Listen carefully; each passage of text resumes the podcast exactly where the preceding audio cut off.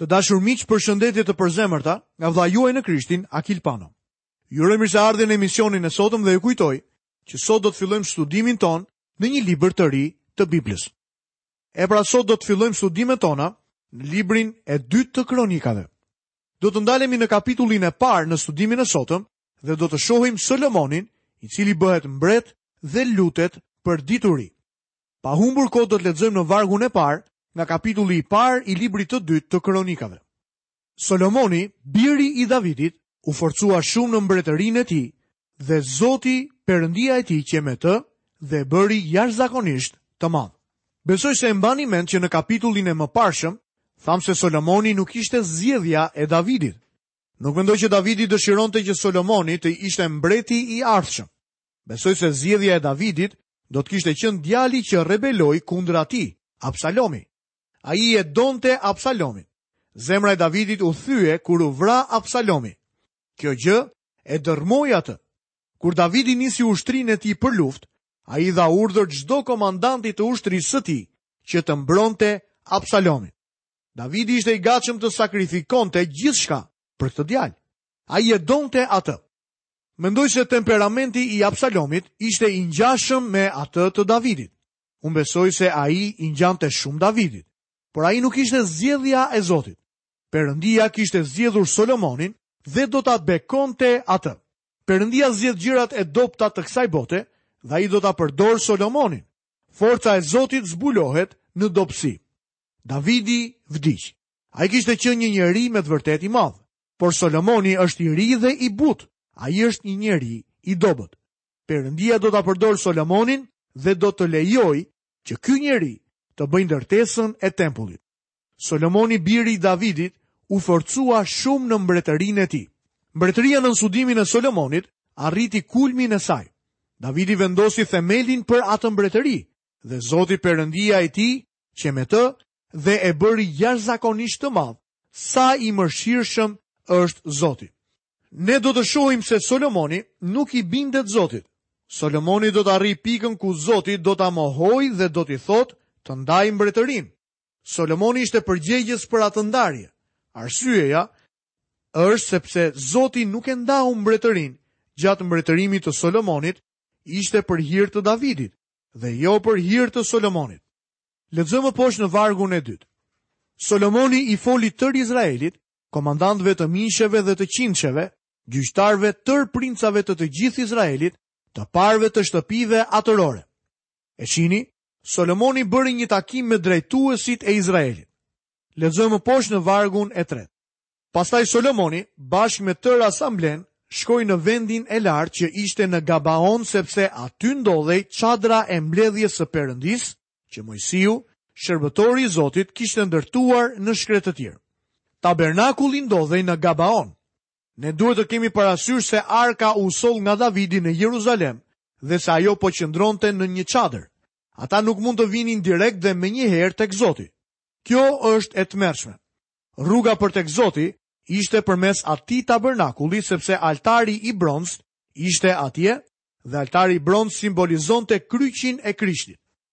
Ata duhet të shkonin atje për t'iu afruar Zotit. Edhe ne duhet të vijmë në të njëjtën mënyrë përpara Zotit. Sot ekziston një ide se çdokush nën çfarëdo lloj situate mund të vrapojë në prezencën e Zotit dhe Zoti do ta dëgjojë atë. Bibla na mëson se Zoti jo gjithmonë i dëgjon lutjet. Dëgjoni fjalët e Pjetrit, sepse sytë e Zotit janë mbi të drejtët dhe veshët e tij janë në lutjen e tyre, por fytyra e Zotit është kundër atyre që bëjnë të keqen. Perëndia nuk ka thënë asnjëherë që do të dëgjojë lutjen e atij që bën keq. Unë besoj se e vetmja lutje që mëkatari mund t'i drejtojë Perëndisë është lutja e shpëtimit dhe pranimi i mëshirës nëpërmjet Krishtit Jezus. Nëse dëshiron t'i afrohesh Zotit, duhet t'i afrohesh Atij përmes kryqit. Ja, ja pra se çfarë bëri Solomoni. Ai mblodhi udhëheqësit dhe ata shkuan në Gabaon, atje ku ndodhej tabernakulli dhe altari i bronztë. Në fillim të mbretërisë së tij, ai u tregua i zgjuar. Lexojmë në vargun e katërt dhe të pestë. Arkën e Perëndisë përkundrazi, Davidi e kishte mbartur nga Kiriath Jeraimi në vendin që kishte përgatitur për të.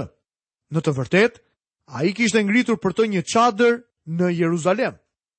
Altarin prej bronzi që e kishte bërë Becaeli, biri i Urit, që ishte bir i Urit, e vendosi përpara tabernakullit të Zotit.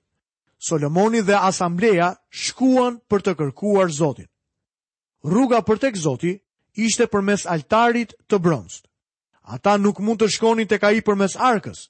Me fjalë të tjera, unë dhe ti nuk vijmë menjëherë tek Zoti. Udha e kryqit na çon në shtëpi. Nuk ekziston asnjë rrugë tjetër. Lexojmë vargun e 6. Atje Solomoni u ngjit në altarin prej bronzi përpara Zotit, që ishte në çadrën e mbledhjes dhe mbi të ofroi një mijë holokauste. Ata nuk u kursyen aspak në sakrificat e tyre. Gjatë mbretërimit të Solomonit pati një bollëk sakrificash. Lexojmë nga vargu i 7 deri në vargun e 9. Atë natë Perëndia iu shfaq Solomonit dhe i tha: Më kërko atë që do dhe unë do të ta jap. Solomoni iu përgjigj Perëndisë: Ti je treguar shumë dashamirës me Davidin, atin tim, dhe më ke bërë mua të mbretëroj në vend të tij.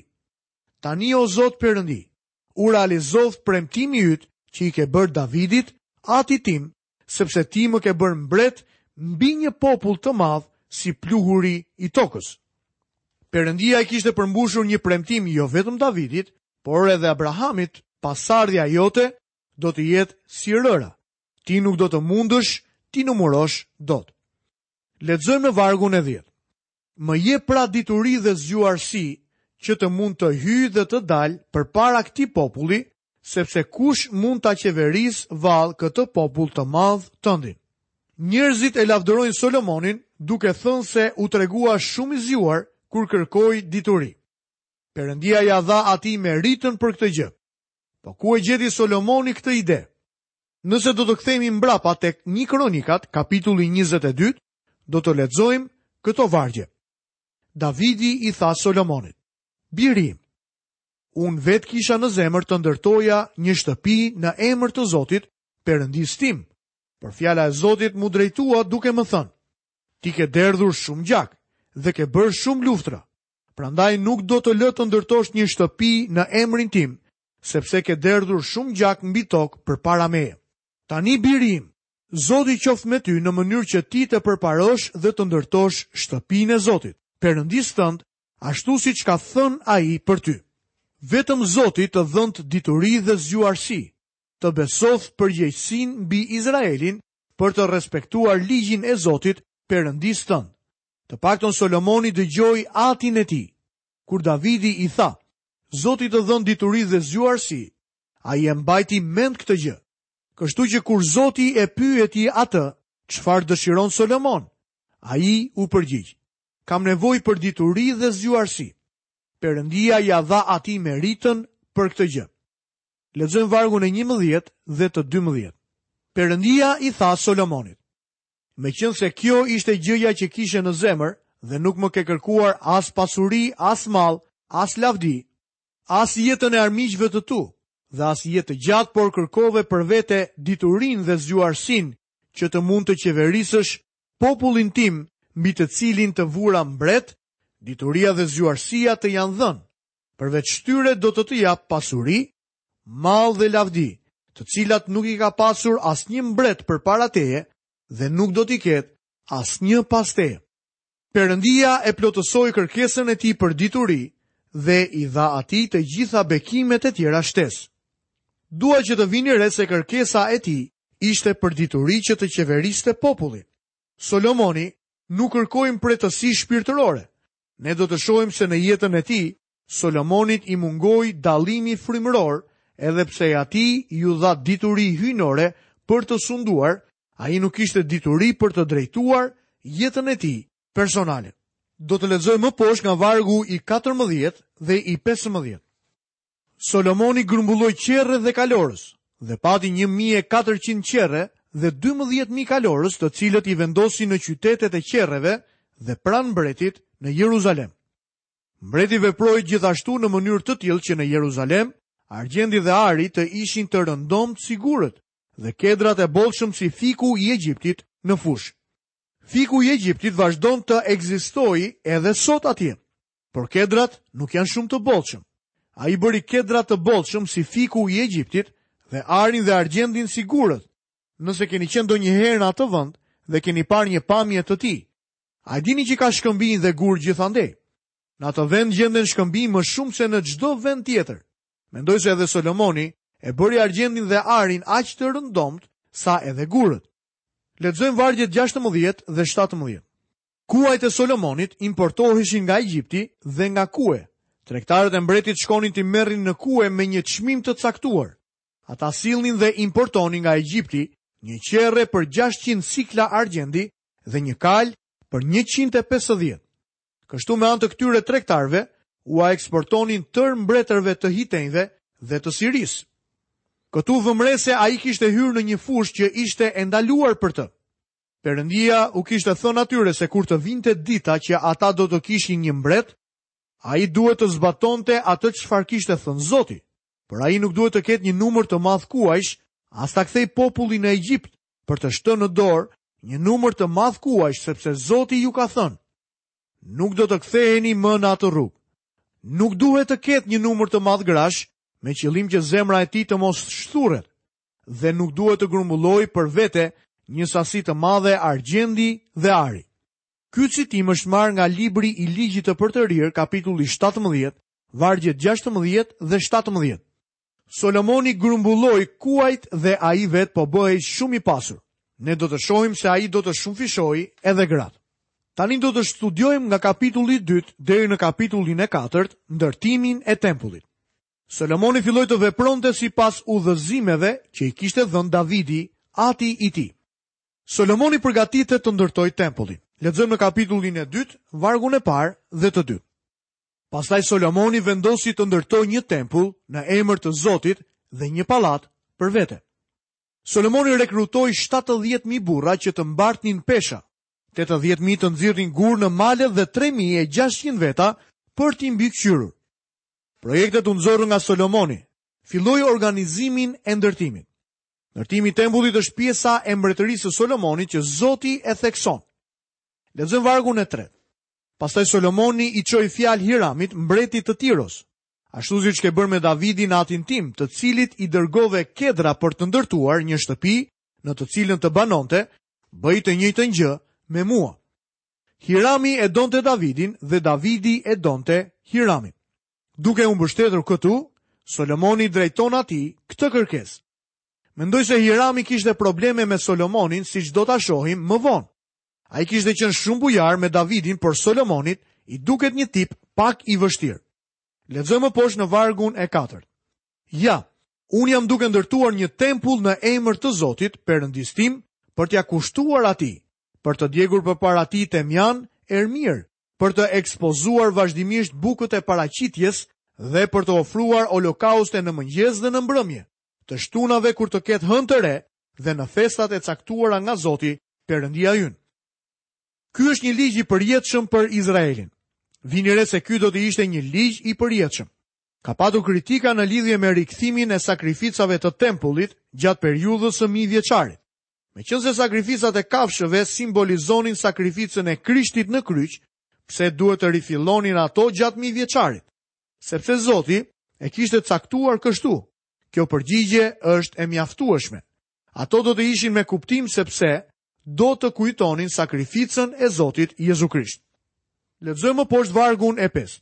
Tempulli që unë do të ndërtoj, do të jetë i madh sepse Perëndia ynë është më i madh se perënditë e tjera. Në kohën tonë, çfarë e bën diçka të madhe? Çfarë e bën një njeri të jetë i madh? Çfarë e bën një komb të jetë i madh? Çfarë e bën një kishë të madhe? Zoti miqtë e mi. Kjo është diçka e cila po na humbet nga sytë. Po kush do të jetë në gjendje t'i ndërtojë një tempull meqenëse qiejt dhe qiejt e qiejve nuk janë në gjendje ta nxënë? E kush jam unë që t'i ndërtoj një tempull qoftë edhe vetëm për të djegur temjan përpara tij? Këta njerëz i afroheshin Zotit përmes sakrificave. E vetmja rrugë si ne mund t'i afrohemi Zotit është nëpërmjet sakrificës së Zotit Jezu Krisht. E rëndësishmja ishte se Solomoni nuk kishte asnjë dyshim se kush ishte Zoti dhe se ai nuk mund të jetonte në atë shtëpi. Njëherë kam lexuar një artikull për një teolog që bënte një deklaratë se Solomoni po ndërtonte një shtëpi të vogël për ta futur Zotin në një kuti dhe se njerëzit mendonin se Zoti mund të futej në një kuti, se ai mund të mbahej atje. Por unë po ju them se Solomoni nuk mendonte aspak kështu. dhe as populli i tij. Ata ishin pak më të përparuar se disa njerëz sot, madje edhe nëpër kisha. Shumë njerëz e quajnë kishën shtëpia e Zotit. Zotin nuk mund ta nxërë një shtëpi. Tempulli ishte një vend për të ofruar sakrifica. Ai ishte vendi ku mund t'i afroheshe Zotit. Ai duhet të ishte i denjë për të. Ai ishte i zbukuruar në mënyrë të mrekullueshme. Ai ishte shumë i bukur. Nuk ishte shumë më i madh në krahasim me ndërtesat e asaj kohe. Për shembull, nëse do ta vendosni tempullin e Solomonit pranë tempullit të Dianës në Efes ose piramidave, ai do të dukej si xhuxh. Për madhësinë e tij, ai kishte një sasi të jashtëzakonshme ari dhe argjendi nga brenda. Lexojmë poshtë në vargun e shtatë. Prandaj dërgomë tani një njeri të shkathët që di të punojë arin, argjendin, bronzin, hekurin, purpurin, të kuqen flakë, ngjyrën vjollcë dhe që të di të bëjë çdo lloj prerjeje, duke punuar bashkë me specialistët që janë pranë meje në Judë dhe në Jeruzalem, dhe që ati im, Davidi, ka përgatitur. Ata duhet t'i merrnin specialistët nga jashtë, sepse izraelitët ishin bujq, ashtu siç Zoti i kishte planifikuar të ishin. Në kohën tonë është interesante të shohësh kthimin e popullit jude në Izrael. Ata kthehen tek toka. Unë kam udhëtuar nga fillimi në fund të Izraelit dhe nga Deti i Vdekur në Detin Mesdhe, por fermat më të bukura ndodhen atje. Nuk e besoj të ketë ndonjë vend tjetër më të pasur se Lugina e Esdraelonit, ku ndodhet Megido. Ai është një vend shumë i pasur. Në kohën e Solomonit, kombi i Izraelit nuk ishte artizan ose specialist. Ata duhet t'i kërkonin disa Hiramit. Lexojmë më poshtë në vargun e 8. Dërgomë edhe nga Libani dru kedri, qiparisi dhe santali, sepse e di që shërbëtorët e tu Janë të aftë të presin drurin e Libanit. Dhe ja, shërbëtorët e mi do të punojnë bashkë me shërbëtorët e tu. Me fjalë të tjera, njerëzit e Solomonit do të mësonin prej tyre. Drurët e kedrit janë kedrat e famshëm të Libanit. Lexojmë më poshtë vargun e 9 dhe të 10. Për të më pregatitur lëndë druri me shumicë sepse tempulli që do të ndërtoj do të jetë i madh dhe i mrekullueshëm. dhe shërbëtorëve të tu që do të rrëzojnë dhe do të presin drurët, unë do t'u jap njëzet mijë kore gruri, njëzet mijë kore elbi, njëzet mijë bate verë dhe njëzet mijë bate vaj. Më vonë do të shohim se pati disa keqkuptime në lidhje me pagesën që bëri Solomoni. Do të lexojmë më poshtë nga vargu i 11 deri në vargun e 13. Dhe Hirami, mbreti i Tiros, u përgjigj me një shkrim që i dërgoi Solomonit. Meqenëse Zoti e do popullin e tij, të ka caktuar mbret mbi të. Hirami thoshte gjithashtu: I bekuar qoftë Zoti, Perëndia e Izraelit që ka bërë qiejt dhe tokën, sepse i ka dhënë mbretit David një bir të urtë, shumë të zgjuar dhe të aftë që do të ndërtojë një tempull për Zotin dhe një pallat mbretëror për vete. Unë po të dërgoj një njeri të shkathët dhe të ditur të atit tim Hiram. Pastaj ai vazhdon duke përshkruar personin që do të dërgojë. Lexojmë poshtë vargjet 17 dhe 18. Solomoni regjistroi tërë të huajt që ndodheshin në vendin e Izraelit mbas regjistrimit që kishte bërë Davidi i ati. Ata ishin 153.600 veta dhe mori 70.000 prej tyre për të mbartur pesha, tetëdhjetë mijë për të prerë gurë në mal dhe tre mijë e gjashtëqind mbikëqyrës që ta bënin popullin të punonte. Të gjithë këta do të ishin ndihmësa. Këta janë njerëzit që do të bënin punën e rëndomtë. Të dashur miq, këtu kemi mbërritur dhe në fundin e emisionit të sotëm. Ju kujtoj që vazhdimin e kësaj teme do ta ndjekim në emisionin e ardhshëm për të studiuar nga kapitulli i tretë i librit të dytë të Kronikave dhe do të shqyrtojmë Solomoni fillon ndërtimin e tempullit. Deri atëherë, nga vëllai juaj në Krishtin Akil Pano, paçi të gjitha bekimet e Perëndisë dhe paqen e tij në jetën tuaj. Bashkë mirë u dëgjofshim në emisionin e ardhshëm.